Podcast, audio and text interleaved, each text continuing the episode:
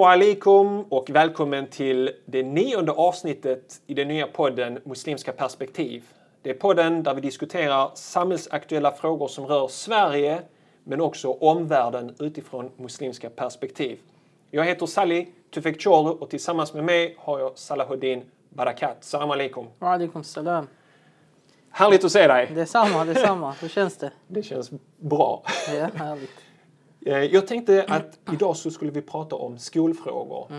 Det är ett sånt återkommande tema, och speciellt inför val så brukar det vara en av de här kärnfrågorna, skolan. Ja, och det är en del utmaningar eh, som den svenska skolan står inför. Vi har resultat som vi inte är riktigt nöjda med. Och jag tänkte kolla lite grann med dig vad du har för tankar kring detta. Men innan vi kommer till det så läste jag en spännande nyhet. Och det är att du ska träffa påven som kommer Precis. till Lilla Lund. Ja, Och. Malmö också. Och Malmö Mm. också för den delen. Yes. Berätta, hur fick du inbjudan? Ja, det var... Jag fick ju inbjudan av eh, både protestantiska alltså Svenska kyrkans och katolska kyrkans ärkebiskopar. Eh, det mötet handlar ju om någon slags eh, minnesdag av eh, reformen, alltså reformationen och Martin Luther och hela den eh, händelsen. Och eh, jag tror det är någon slags eh, för protestanter och katoliker så är det, har jag förstått det som en slags närmande mellan dem eller en gränsöverskridande eh, relationsbyggande kan man säga. Och eh, jag har ju själv haft eh, och har goda relationer både med Svenska kyrkan och katolska kyrkan och har besökt dem och har samarbeten med dem. Och ser samarbetet med kristna generellt sett i Sverige som en jätteviktig del av mitt arbete. Eh, interreligiösa arbetet ser jag som viktigt. Så att eh, jag, ja, jag har haft en del samarbeten och fick inbjudan. Kom det som ett sms? Inbjudan? Nej, det som ett jättefint brev faktiskt. Ja. I brevlådan, Eh, eller? I brevlådan, ja. Ja. Och vad, vad stod det? Kan du bara Eh, beskriva nu det minns lite? jag Hur såg inte exakt, men det var väldigt fint så här. Fint papper och. Fin stämpel och logga och eh, väldigt officiellt Mm. kan man säga. Fint. Ja. Och, eh, va, och det som jag förstått Mm. då, läste i, eh, i, det var en tidningsartikel då att eh, eh, påven kommer och det är en stor, hela listan på alla som har blivit inbjudna till mässan. För Mm. han kommer till domkyrkan i Lund, en av de äldsta, om inte den äldsta kyrkan i Sverige som domkyrka då. Och det var ju en katolsk kyrka från början. ja, precis. Sen så kom reformationen så gjorde man om det till en protestantisk kyrka. Så Mm. det är lite symboliskt för det är första gången på flera hundra år som man håller en katolsk mässa i domkyrkan. Mm, mm, Och de har bjudit in dig till den här mässan Mm. och många, många andra. Varför ställer du upp? Varför har du tackat ja till den här inbjudan? Som sagt, jag ser ju... självklart har vi muslimer och kristna väldigt mycket meningsskiljaktigheter och kan ha våra debatter och diskussioner och vem som har rätt och fel och det ena och det andra. Men jag ser relationen som väldigt viktig. Jag ser att profeten, eh, må frid var över honom, eh, hade en god relation till kristna i hans omgivning. Han talade gott om exempelvis den etiopiska kristna kungen och såg som etablerandet av goda relationer med grannar och med medmänniskor som en viktig del av vårt trosutövande. Eh, sen så närvarandet av just, jag är mer som en åskådare, jag är inte delaktig i själva gudstjänsten som muslim. Men eh, jag ser det, min avsikt är ju ett slags närmande och visa en, en också att vara med och välkomna påven till Sverige.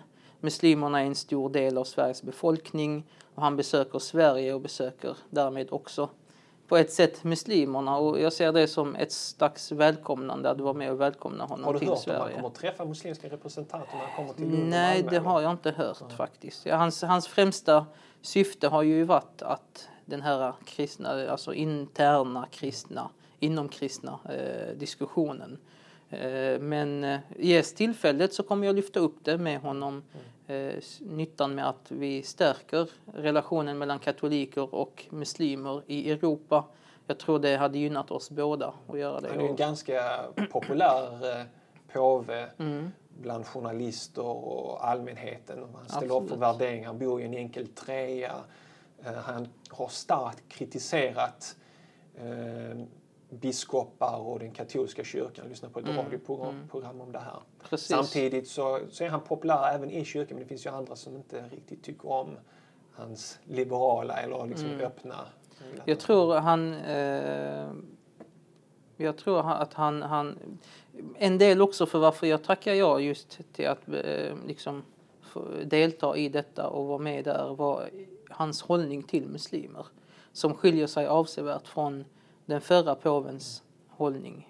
Eh, och eh, han har en väldigt vis hållning. Han, han talar eh, på ett sätt som inte skadar muslimer. Han skulle kunnat vara mer populistisk och eh, utnyttjat de antimuslimska trenderna, Han skulle ha kunnat piska upp pis- piska upp stämningen, Mm, absolut. Men han gör det inte. Nej, Vilket visar en slags ärlighet och godhet i honom. Absolut. Som jag tycker vi måste erkänna och eh, vara tacksamma Journalister för. har ju försökt pressa honom att han ska prata om eh, muslimska terrorister men det ville han inte använda. Precis. Och nu sist talar han, det finns jätteintressant intervju Mm.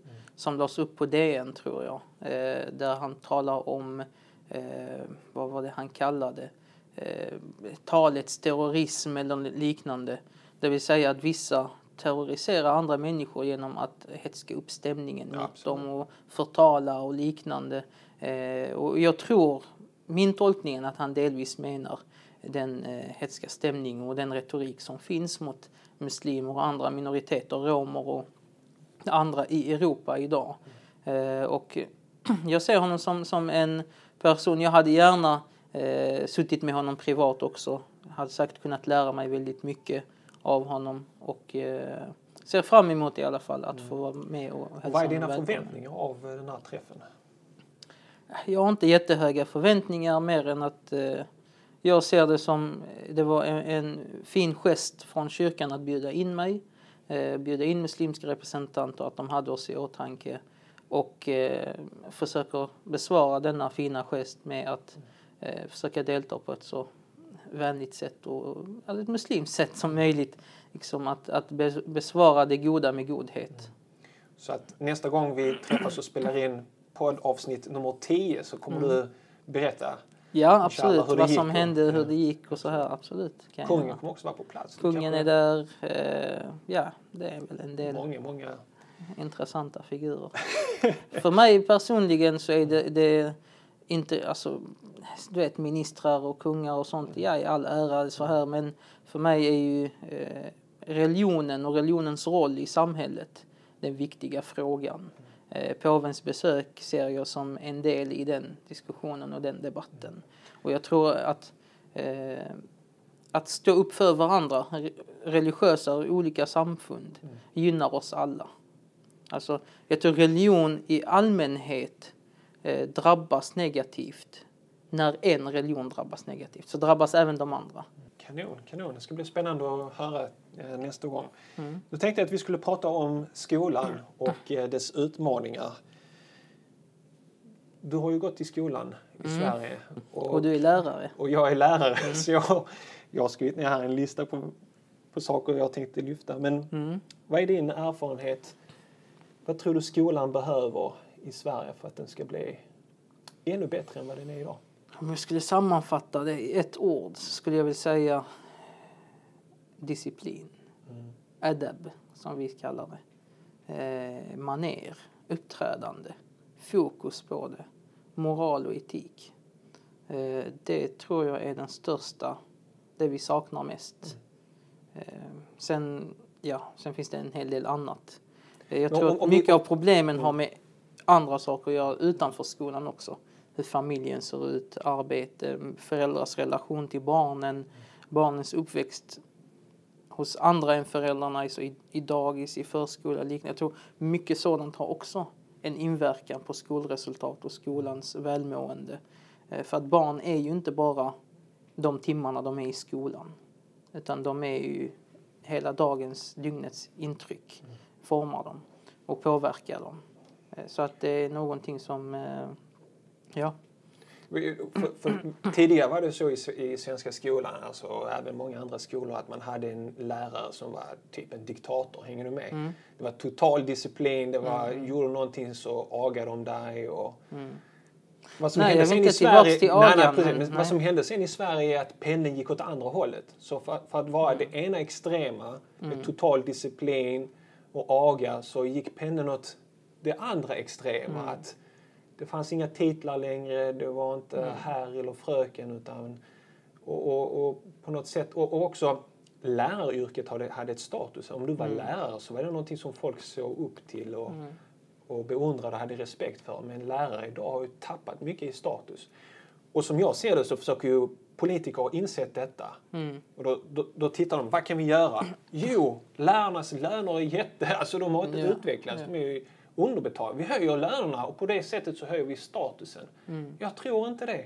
det. Det är ett väldigt ytligt sätt att se på lärarnas status och försöka höja den genom, genom lönen. Ja, det är en jätteliten, nästan obetydlig bit av det hela.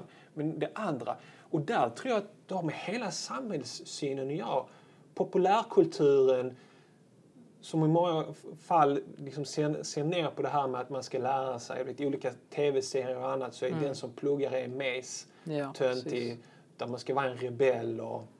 Det är väl en stor del, Mm, utan tvekan. Det är en viktig faktor tror jag, populärkulturen. Att eh, rebellerna och, vad ska man säga, the bad guys är de som är de häftiga. mm. Om du tar till exempel- på, ja. Om du tar till exempel Simpsons, Bart Mm. är den coola, Lisa som pluggar och de andra liksom, de är inte så häftiga utan man ska Ja, vara en precis. rebell. Ja, jag, jag tror utan tvekan är det en dåliga förebilder helt enkelt för våra barn från väldigt ung ålder genom tv, genom media, musik, film, vad du vill liksom. Eh, väldigt dåliga förebilder, väldigt mycket sådant. Det är utan tvekan en viktig faktor. Sen, sen tänker jag också på det här med Men just det du nämnde också med maner, alltså det här med fröken, lärare. mm, Att man tilltalar läraren med titlar och inte vid namn. Jätteviktigt. Och du vet, det här är för jag jobbar ju som lärare och jag jobbar Mm. med språkintroduktionselever. Så elever från Afghanistan och Syrien och så. Och du vet, vi, när de kallar på mig, när de räcker upp handen, Mm. så säger de läraren. Och jag, bara, jag kom fram till bara, du behöver inte säga läraren, jag heter Sally, du kan säga Sally. De bara, nej absolut inte, det är Mm. Ja, läraren. ja. Och jag brukar skämta för när de säger så, läraren, så brukar jag säga eleven till dem. Det låter lite konstigt i, i, på svenska liksom. Men, men det är någonting som är naturligt i många andra länder att man har titlar. Absolut. Och det är någonting fint. Alltså jag, jag hade en vän, han sa till sina barn att när de ska kalla på mig så ska de kalla på mig som farbror Sally. Så det, det är inte bara det att titlarna gör att man blir avlägsen utan det gör en närmare. Jag är farbror Sally. Inte bara Sally utan farbror Sally. Så, och, Absolut, och det, den upprätthåller en adab, respekt och vördnad. Och respekten för läraren är inte för läraren som person. Det är där många har missuppfattat. Det är där tror jag väst har missuppfattat. Den här överdrivna kommunistiska tänkandet om att alla är lika i allting, överallt, du vet. Har, har lett dem, och visst, vi som människor är lika inför lagen och det ena och det andra, men den här adab har ett syfte. Respekten till läraren är inte för att han är lärare utan för kunskapen. precis. I vår tradition, i den muslimska traditionen, så har vi till och med respekt för en penna. En penna kan inte ligga på golvet. Det är orespektabelt för kunskap. Inte för pennan som säger, men det är ett verktyg för kunskap. Eh, hur man ger varandra en bok. I vår tradition, när jag studerade till exempel i en tra traditionell muslimsk skola, så till och med vilken hand du ger boken med, att det är med höger hand, att du ger den på ett sätt som är lugnt och så att det inte ramlar på marken. Du håller boken också i, Över midjan, du håller den alltid över midjan. Eh, och ännu mer när det är religiösa skrifter, när det är Koranen exempelvis. Jag har en, en upplevelse som jag i, i Madrasa i Turkiet när jag var där. Då var det en av de lärda, storlärd, rektorn för skolan, stor sheikh. Och eh, du vet, normalt sett så ska den som kommer från höger, vi kommer in vid en dörr och ska passera dörren. Den som kommer från höger går först. Och särskilt han är äldre också än vad jag var. Så jag tänkte, låt honom passera först. Men grejen var att jag höll i en koran i handen. Så han vägrar gå före mig. Jag bara, snälla Sheikh, gå. Han där, aldrig. Ska jag vända min rygg till koranen? Du vet, att han går före mig. Den adab, den respekten, den vördnaden, det är någonting som förlorar man den. Visst, det är små symboler kan man tycka. Det är symboliskt. Du säger inte din lärares namn. Men det är, det är känslan av vördnad inför det som är, det som är kopplat till läraren, det vill säga kunskap, utbildning, skolning. Till och med är det så att i många kulturer, till exempel i Jemen, när man har en eh, eh, föreläsning så ska det finnas eh, rökelse. Varför? För att man ska, det ska lukta, dofta gott när man studerar. Det är någonting vackert, det är någonting respekterat. Man plockar fram den finaste rökelsen. När man, inte när man ska festa för världsliga ting. De, mest, de vackraste festerna är avslutning på kunskap eller eh, från ett steg till en annan. Man avslutar aldrig sina studier men eh, ännu mer, man lägger stor vikt.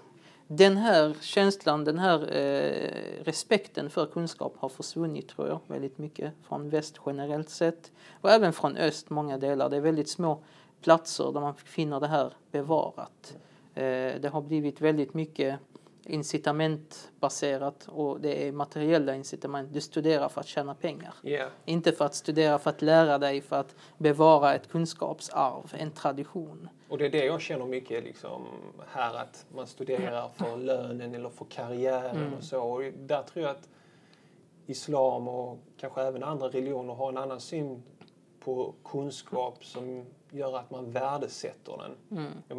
Ju mer jag blev troende, ju mer började jag värdesätta kunskap. Mm. Och när jag blev ännu mer religiös så var det inte bara religiös kunskap som jag värdesatte, utan jag värdesatte all, all kunskap. Och den har ett större värde än, att bara sätta pengar på den. Ja. Och det, då måste man, det, det, den respekten. Du vet, I islam talar vi om eh, värderingar som kan, kanske översättas till akhlaq, såsom givmildhet, vänlighet, vördnad och så vidare. Men sen så har vi adab. Och adab kan man säga är manifesterandet av de här värderingarna. De måste manifesteras i praktiska handlingar. Till exempel, vi har respekten till de äldre. Det är en viktig värdering i islam. Hur praktiseras detta? När det bara behålls som en, som en värdering gör det inte en större nytta. Men börjar vi praktisera det, det vill säga vi ger äldre företräde till de bättre platserna, vi håller upp dörrarna för dem och så här. Då, då upplevs och då, då blir värderingen levande och verklig. Och det är det man måste ha tillbaka om man vill ha en bättre skola. Det tror jag mm. absolut är en viktig, viktig, viktig del. Så att när dina elever kommer, nu vet jag inte vad reglerna säger eh, i skollag och sånt, men jag hade inte lärt dem att säga Salih. Mm det är att förstöra dem, det är inte att lära. Nej, alltså, är du med? Ja, alltså. och jag, när jag sa det Sally, de bara ja, ja, whatever. Så det är lärare fortfarande. Ja, jag, Men tyvärr förstörs de här ungdomarna. Mm. Jag ska säga att du vet, man pratar mycket om integrationen mm. och integration brister och så vidare.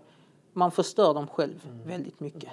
Men sen, sen ser de också hur andra elever beter sig. Ja. Hänger du med? Ja, och det, vet, jag bara tänker, oh my god, nu ser de liksom hur de här eleverna beter sig. Hänger du med? Tänk om någon skulle kommit... Det, det, tar inte lång tid innan de har förstått spelreglerna som gäller. Sen så liksom blir de vana med det som majoriteten Absolut. gör. Absolut. tappar de Istället borde man ta tillvara att de här människorna har kommit med goda värderingar, med, en, med ett gott uppträdande när det mm. kommer till kunskap.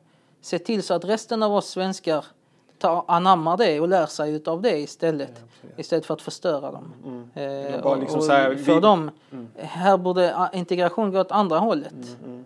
Jag tror många svenska elever ta, kan ta mycket att lära sig från exempelvis syriska, afghanska, vad det är, alltså, som kommer från kulturer där man respekterar kunskap, mm. där man respekterar läraren och så vidare. Och tyvärr tror jag det här eh, och det handlar inte bara om skolan, det handlar tror jag generellt sett i samhället. Mycket Absolut. av problem, problemen vi ser eh, har vi själv byggt upp, har samhället själv varit med och sått och nu, nu får vi skörda det mm. tror jag. Ja, absolut. Om, om vi tar till exempel konkreta grejer så, som jag kan se distraherar elever, det är sociala medier. Mm. Alltså med mobiltelefoner och sånt. Där de liksom konstant har ansiktet i kan inte stoppa det. och Facebook. Kan inte säga Nej, det är väldigt lägg... känsligt alltså. Mm. Det där med att ta saker från någon annan och, ja, och så. Mm. Och det, det, är många, och är det inte i klassrummet så är det utanför klassrummet. Mm. Och sen är det du vet kärleksproblem och mobbing och trakasserier och hela den biten. Som vi inte kan se för det gör de på sociala medier. Ja, ja, Tidigare var det att man sa saker och ting i korridoren. Nu sitter de bara och knappar. Mm. skickar till en polare lite längre ner i korridoren utan att du ser eller uppfattar den. Ja, så det... sånt ser jag som, som eh, problematiskt. Mycket. Det är... Inför förbud. Och det, Mobilförbud i skolorna. Ja. Ja, min pojke han är sju år nu. Mm. Han har börjat första klass. Redan nu kommer han och säger till mig, kan jag få ta med mig mobilen till skolan? Mina kompisar har det. ja, precis så. Första klass. Ja, ja, precis. Jag sa till honom, glöm det inte. Alltså, det finns inte på tal ens. Men Det- de, ser, det- de ser ju också hur föräldrarna gör. Alltså vi är också medskyldiga till det. Absolut. Barnen men- leker pappa, pappa. Ja, men jag ska bara skicka det här sms. Jag ska Mm. bara titta på det här. Jag såg någon sån rolig animerad eh, film på Facebook. Mm. De var rätt skojig. Liksom.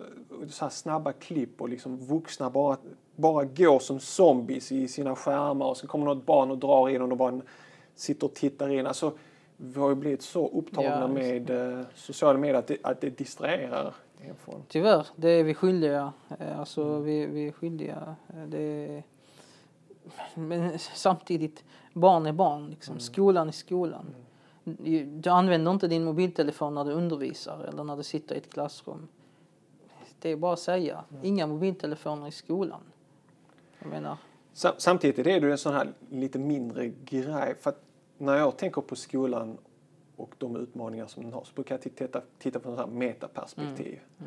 Alltså att ja, skolan är viktig men har du ett familjeförhållande som är trasigt så kan du ha världens bästa skola och världens eldsjälar som lärare. Men nej, det kommer inte kunna gå hela vägen om du inte har full uppbackning av två föräldrar som är liksom engagerade i barnets eh, utbildning, kommer på föräldramötena och så här. Och det, ute på skolor som är ute i förorter och så. Många lärare som säger vi bjöd in till föräldramöte, kom liksom en förälder eller två föräldrar.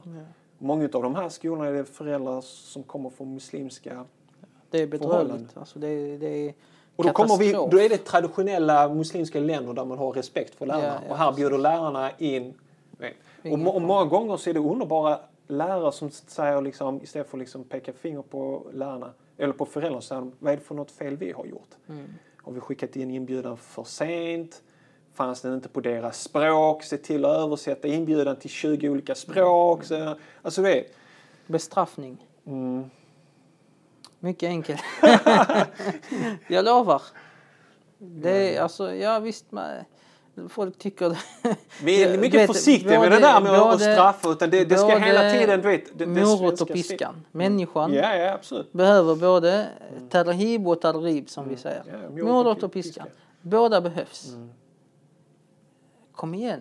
Ni har, en- barnen har en skolplikt. Mm. Sätt en plikt på föräldrarna. Ni måste komma till föräldramöten. Ni måste följa upp era barns utbildningar, era, era barns skola, vad som händer. Mm. Sätt det som en plikt. Varför inte? Jag menar, det borde vara en självklarhet, men det är ju inte det. Nej. Tyvärr, det är inte det. Sätt det som en Men plikt. rektorerna känner att de har inte tillräckligt Ja, jag vet, från men politiker lag, lag, ja men det är det. Det är det De är måste börja tänka om igen. Ja. Tänka om, Det är därför det, det är en om, grundlig, rätt. ja, vet, är en grundlig grej som man måste...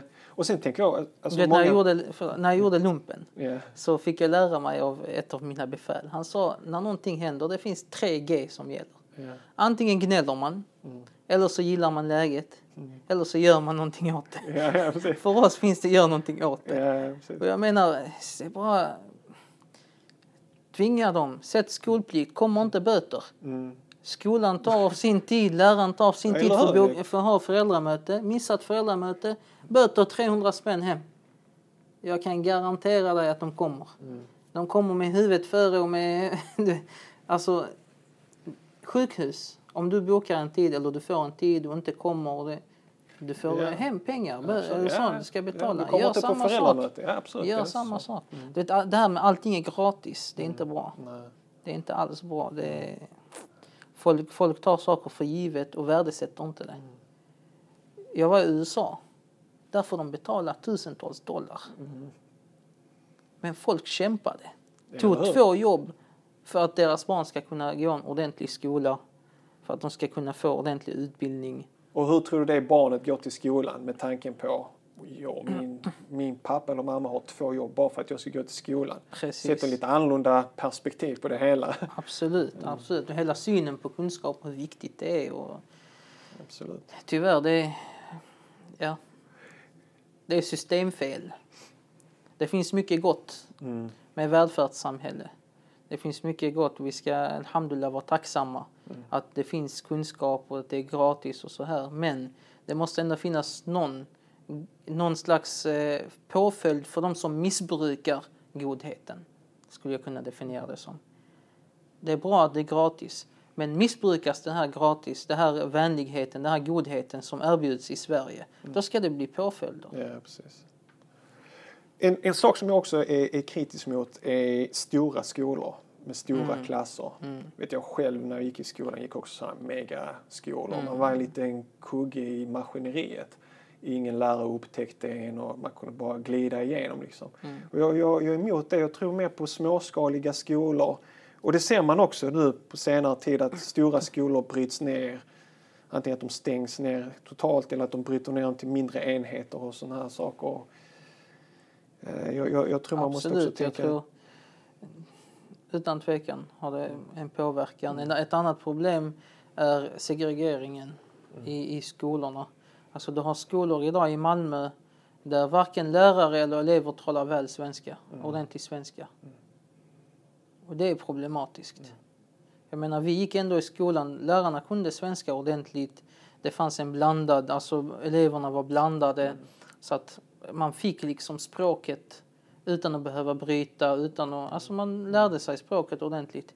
Idag har vi skolor där det här inte, alltså där till och med, vad ska man säga, etniska svenskar, vita svenskar växer upp i och bryter. Och visst, det kanske inte är något större problem att bryta som så, men, men det kommer att försvåra ditt eh, möjlighet till jobb, försvåra dina möjligheter i samhället i stort. Om, om vi, vi har några minuter kvar. Mm. Om, vi, om du har några råd och praktiska tips till föräldrar. Att engagera sig mer. Mm. Att se till att uppfostra, för det är ju inte skolans uppgift att uppfostra. Det är också ett stort problem. Okej? ja, många- Skolan säger det är inte vår uppgift att uppfostra. Okej, men ni har barnen åtta timmar om dagen. Mm. Åtta timmar av ett barns dygn. Barnet sover 12 timmar eller vad det är, 10-12 timmar. Mm. Hur många timmar är kvar för uppfostran då? Så vi har 12 timmar på ett dygn för att uppfostra ett barn. För att se till att barnet får goda värderingar och ett gott beteende med sig. Om inte skolan ska göra det, vem ska göra det? Och när ska det göras? Man säger saker och ting men det går inte ihop. Ekvationerna går inte ihop. Så men okej, nu är situationen som sådant. Och det är inte heller så att man får de bästa kanske värderingarna i skolorna idag. Jag vet inte vad man lär ut och vad man inte lär ut gällande beteende, uppträdande och så här. Så Det finns, det Föräldrarna. finns med, det finns med. Men det, från skolans sida så känner man ibland att vissa föräldrar ser inte det som deras ansvar utan de bara liksom, det är ert ansvar i skolan. Vi- Jag ska inte tänka på att uppfostra mina barn. Alltså, och det är därför många liksom, lärare tänker men från hemmet måste man åtminstone få med sig grundläggande värderingar hänger med, så man kan bygga vidare. på. Precis. Vår, min, min rekommendation praktiskt vore till föräldrarna att först och främst ta er plikt på allvar. Det är en religiös plikt att se till att barnen får en god uppfostran. Att barnen sköter sig i, det, i, i samhället och i skolan, att de inte blir kriminella. Det är en plikt du har som förälder. Du kommer bli frågat på domedagen. Och det är klart att du som förälder det. kan styra Du kan det. inte bara få barn och sen inte ta hand om... eh, Nej, ta men man kan inte bara säga heller som förälder, det är inte mitt ansvar, eller jag lyckas inte. Han, du har ju ett ansvar med vem umgås dina barn med? Hur sent är de ute? Var är de någonstans? Precis. Det handlar om ett aktivt arbete. Uppfostran är ett aktivt mm. arbete. Och de lärda säger ma la wajibu illa bihi wajibun. Det är en princip som säger att eh, om något är en plikt obligatoriskt så blir allt som är tvunget för att uppfylla plikten också obligatoriskt. Är du med? Så det är obligatoriskt att uppfostra ditt barn och ge det en, en, en god grund. Då är de eh, medel som krävs för det. Om du ska engagera dig, du ska lägga ner tid, du ska ta ledigt, gå på föräldramöten. Det blir ett obligatorium om det är tvunget för att se till så att barnet får en god uppfostran. Så det är en plikt som man måste ta på allvar. Eh, jätteviktigt. Engagerade, var engagerade i skolan. Jag har föräldrar som säger ah, i skolan får de lära sig det ena och det andra. Men jag menar, vad har du gjort åt det? Har du varit där? Har du pratat? Har du sagt? Har du gjort? Har du engagerat dig? Det måste man gnäller. engageras. Gnä, ja, man gnäller, ja. Man gillar, ja. Man gillar inte läget heller, utan man gnäller. Det så att jag tror aktivt engagemang från föräldrar är jätteviktigt. Visst, många känner att de får också motstånd. Så är det i vissa skolor. Man får motstånd om man vill engagera sig.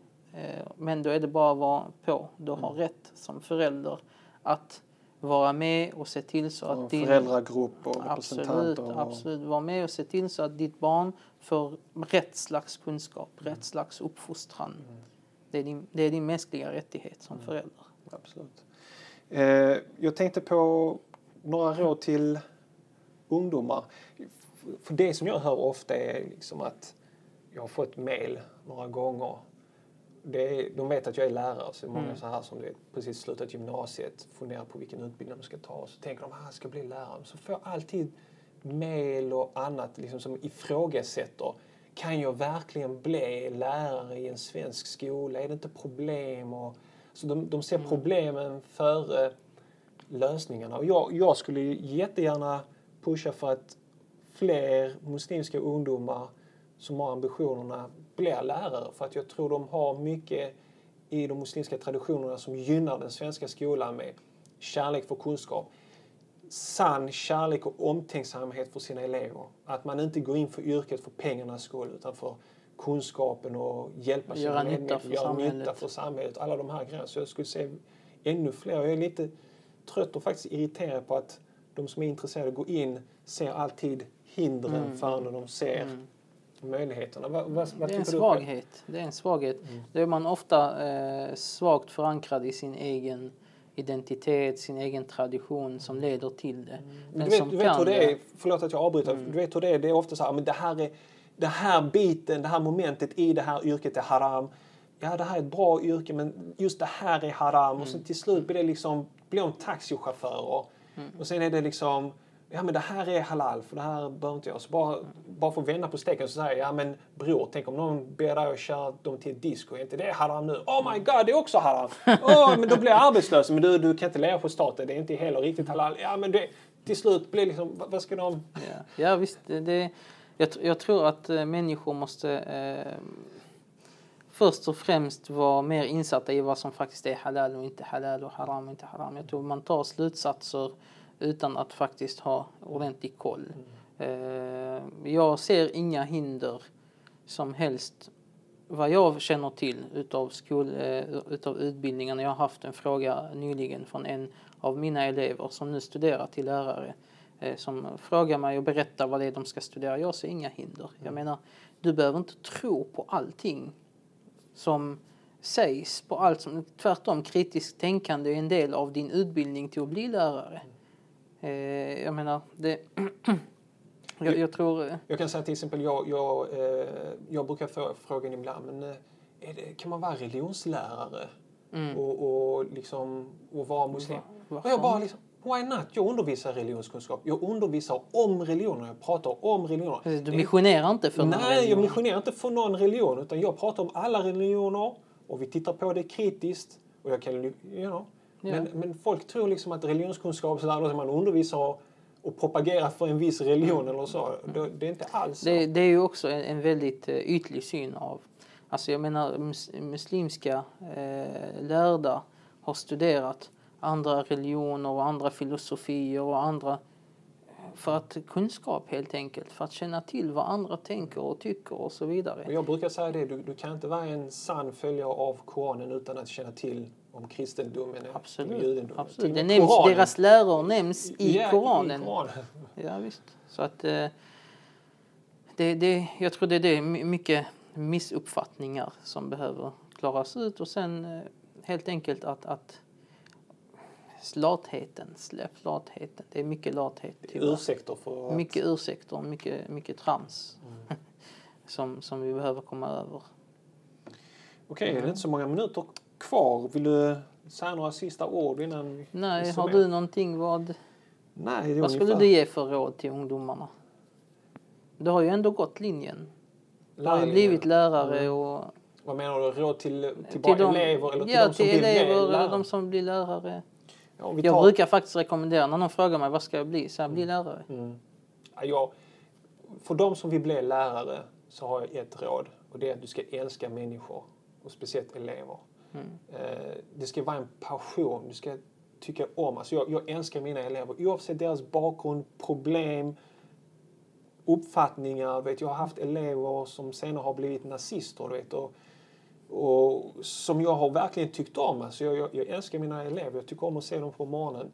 Så att om du vill bli en lärare så måste du ha den inställningen. Du kan inte göra skillnad på människor och gå in för det för att som lärare så kommer du ha mer semesterdagar än andra. Går du in för det så är det total...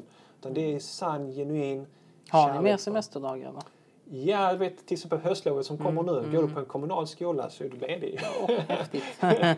Går du på en privat skola, är på en privat skola så som jag gör, då är man inte ledig. Ja, men okej, du har inga okej. elever så Okej. vi festar i korridoren. Nej, jag bara skojar. Men vi gör andra administrativa Ja. arbeten och så. Ja. Så det är det. Och till, till elever som har muslimsk bakgrund eh, så har jag det här rådet att du, du kanske har den här strävan eller den här felaktiga uppfattningen. Och här i skolan lär de ut kunskaper som inte är viktiga. Religiös kunskap är viktigare. Så jag skubbar för att göra det här istället. Eller jag tar inte mina studier på allvar. Matematik är inte lika viktigt som lära mig Koranen och sådana här saker. Är det ens vanligt? Jag vet inte om det var vanligt tidigare. Jag har Okej. hört sådana här saker. Alltså min erfarenhet ja. är att de här ungdomarna som skolkar och liknande, Mm. alltså de har varken det ena eller det andra. Alltså det är inte religionen som ersätter utan det är liksom Men alltså, bara... jag, Salahuddin, och, Ja. jag, ska, jag ska vara helt ärlig. Ja. Jag har haft elever som har gått upp mitt i lektionen och Mm. gått iväg och varit borta en kvart, 20 minuter, kommit tillbaka. Och jag bara liksom, var gick du? Du bara reste från lektionen och bara gick. Uh, Salat al-Dhuhr, kom in. Oj. Men, Ingen kan jag få, efteråt kan jag så, ja, men det, Ingenting sånt. Och jag bara efteråt, "Achi, du kan dröja med Dhuhr. Du behöver inte be den direkt när den kommer in. Bara Precis, resa mitt i lektionen bara gå därifrån. Vänta tills det är rast, gå och gör det då. Ah, men då har jag rast. Är du med? jag vill inte ta från min rast, jag vill ta från mina, från mina. Och det är det som jag menar att man inte... Och det är det som har Adam. Sånt, sånt också, sånt får ju icke-muslimer. För att alltså, de blir Mm. De- irriterade på sånt. Ja, absolut. Det, blir, det, det irriterar dem. Eller när det liksom, kommer till exempel fastan, det här är ett helt annat eh, program också. Mm. Fastan, du vet. eh, Kommer, under Ramadan kommer en halvtimme försenad. Varför det? Jag var uppe sent och åt. Jag glömde att äta. Mm. Som att det är en ursäkt. Jag glömde äta, nu är jag jättetrött, jag kan inte fokusera. Mm. Jag, du vet. Hela den här biten. Så, men det kommer inshallah till Ramadan. Det kommer, det kommer vi prata Ja, om. Men mitt, mitt råd är liksom att som muslimsk elev, vår religion lär oss hur viktig kunskap är. Gör inte skillnad på kunskap, gå in och gör ditt absolut bästa. Och naturligtvis, eh, den religiösa kunskapen är ännu viktigare, men det betyder inte att du ska Slappa med något slappa annat. med det andra. Precis. Utan Precis. att, att svensk lektion är det absolut viktigaste. Du ska vara vass. Du vet, och lära dig grammatiken och alla de här grejerna. Jag önskar att jag hade sådana förebilder liksom, som kunde säga sånt Det till mig. det vi man- saknar tror jag mycket. Vi börjar få lite grann positiva förebilder. Tyvärr. Vad vi kan se, vad jag ser ibland, är att just det här samhället, det här snedvridna tyvärr. Eh, Jag är väldigt samhällskritisk, även om jag säger det är mycket positivt. Men, Det är viktigt. men ja, för att man vill göra det bättre. Som Mm, kon- konstruktiv kritik ser jag det som. Du vet, man plockar fram förebilder, folk som ska agera som förebilder, som inte har kämpat utan som man bara producerar på några månader. De har misslyckats i skolan, de har inte kämpat. Men helt plötsligt ska de vara förebilder för våra ungdomar. Mm, absolut. Alltså, hänger jag menar, kom igen. Det finns folk som har kämpat, pluggat. De har gått också i förorterna. Och också pluggat och varit i de där klasserna. Kanske det är de som blivit mobbade. Är du med? Det är kanske de som varit mobbade och sen kommer de och de blir läkare och de blir advokater och ingenjörer och det ena och det, och lärare och det ena och det andra. Varför lyfter vi inte fram dem? Nej, för Varför det, låter vi inte dem gå runt och tala? Varför låter vi inte dem synas? Varför låter vi inte dem vara våra ungdomars förebilder? det ska vara sådana som sparkar boll eller som är duktig med knytnävarna och Precis. sådana här saker. Ja. Så hela, hela vet, stjärn och status och hela den synen i vårt samhälle. Eh, status och framgång är knutet till ja, mycket annat än kunskap. Det är väldigt lite som är knutet, det är väl Nobelpriset vi har. Som, som är, eh, kolla, det är bara att kolla statistiskt hur många pris delas ut. Mm. Som offentliggörs och där kungen är med och jag vet inte vad, statsminister eller kändisar och liknande. Hela kändiskult. Du vet, jag, jag irriterar mig när de bytte de här nya sedlarna. Det gick från Carl von Linné Ja, ja. till jag vet inte vem av eh, skådespelare och såna här grejer. Jag menar, det visar ett skifte i kulturen. Vad man det, värdesätter. Ja, vad det är man vär- värdesätter. Vilka är stjärnorna? Är det de här forskarna? Är det de som för fram mänskligheten? Eller är det skådespelare och musiker? I all ära, mu- musiker de gör säkert, alltså de är också en del av kulturen, det är inte det. Men balans åtminstone. Lite, lite rättvisa, lite balanserat hade varit bättre. Jo men alltså all, all, alla såna här eh, populära programserier och så här. Det är Idol och det är det Ja. ena och det andra. Det är liksom ingen som kommer fram och bara liksom... Ja. pengar och utseendesfixering, ytlighet. Eh, det, är de, det är det som lockar, det är det som säljer och det är det som lyfts fram som förebilder. Eh, våra ungdomar eh, uppmuntras till att bli stjärnor i, i diverse sådana här musik, film, sport, jag vet inte vad. När ska de bli stjärnor i vetenskap? När vi ska, ska vi lyfta upp det? När ska de bli stjärnor i språk? Och så vidare. Det, där, där, det, det görs lite grann. Absolut, det är inte så att det är helt... Men, men det måste vara mer. Det måste vara mer. Vi femman är inte lika populär som... Nej, nej, men det är vad man gör det till också. ja, absolut. Var finns pengarna? Du vet, folk dras till pengar. Eh, Okej? Absolut. Sätt de stora priserna, de stora till forskarna. Sätt dem, dela ut pris. Gulden, hyr Globen och hämta kungen och de ska, ska, ska garantera att det blir populärt efter ett tag. Det är inga ungdomar som tittar på en, på en läkare och säger wow, titta vilken frisyr han har. Jag vill ha samma frisyr som han. Jag kollar vilka skor han har. Jag vill ha sådana skor som han. Men vet, många, killar, många kids i förorterna vet, säger att "Kolla, han har frisyr. Jag har samma frisyr. Ja, visst. Och det var, det var man värdesätter och det var, det var media och vi vuxna, samhället Lyfter skickar fram. ut de här signalerna. Ja, visst, inte, visst. man ska inte skylla på barn och ungdomar. Nej, nej, nej. Vi är över vår tid. Yes. Jag tror vi får avrunda där. Ja.